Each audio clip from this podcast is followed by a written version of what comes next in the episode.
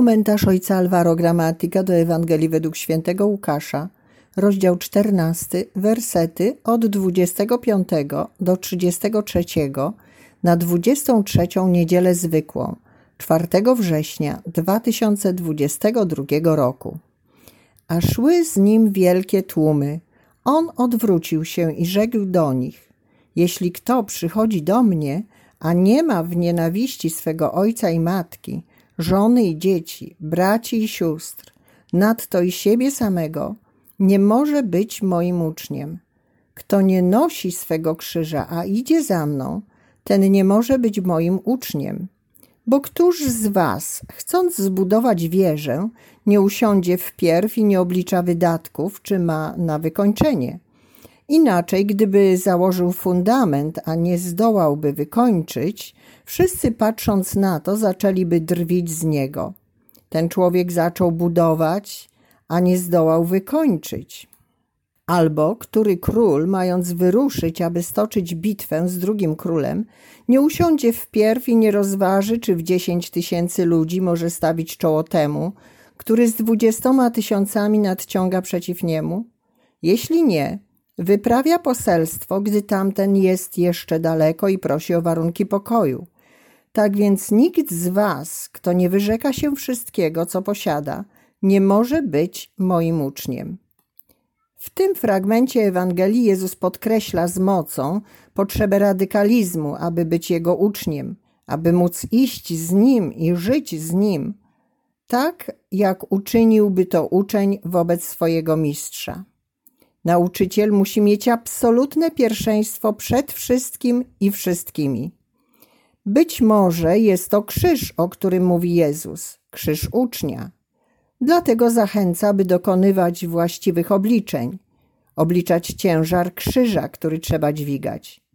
Wyjaśnia to za pomocą przykładu osoby, która nie może dokończyć rozpoczętej budowy, oraz króla, który rozpoczyna wojnę bez uprzedniego oszacowania swych sił zbrojnych.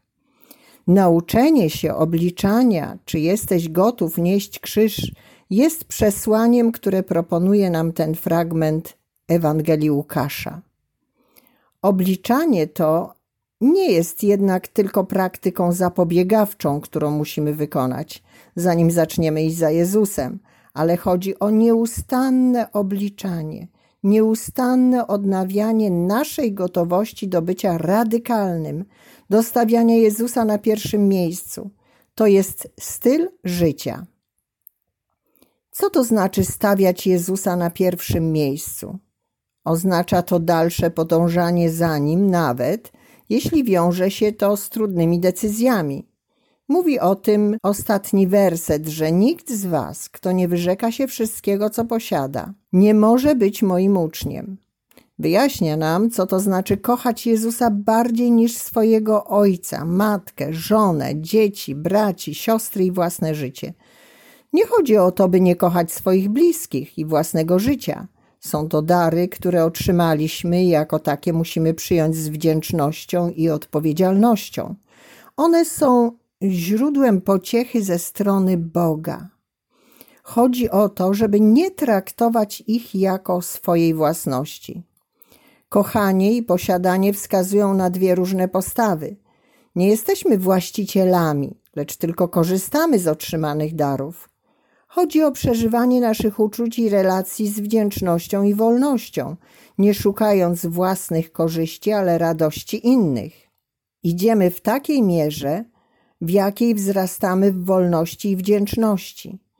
Pozwala nam to nie trzymać się w sposób zaborczy osób, rzeczy i własnego życia w lęku przed utratą ich, ale kochać z radością i hojnością.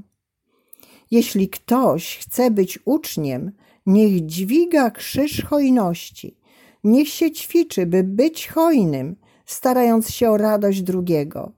Uczeń to ten, który uszczęśliwia innych, tak jak Jezus, który dał nam radość zbawienia.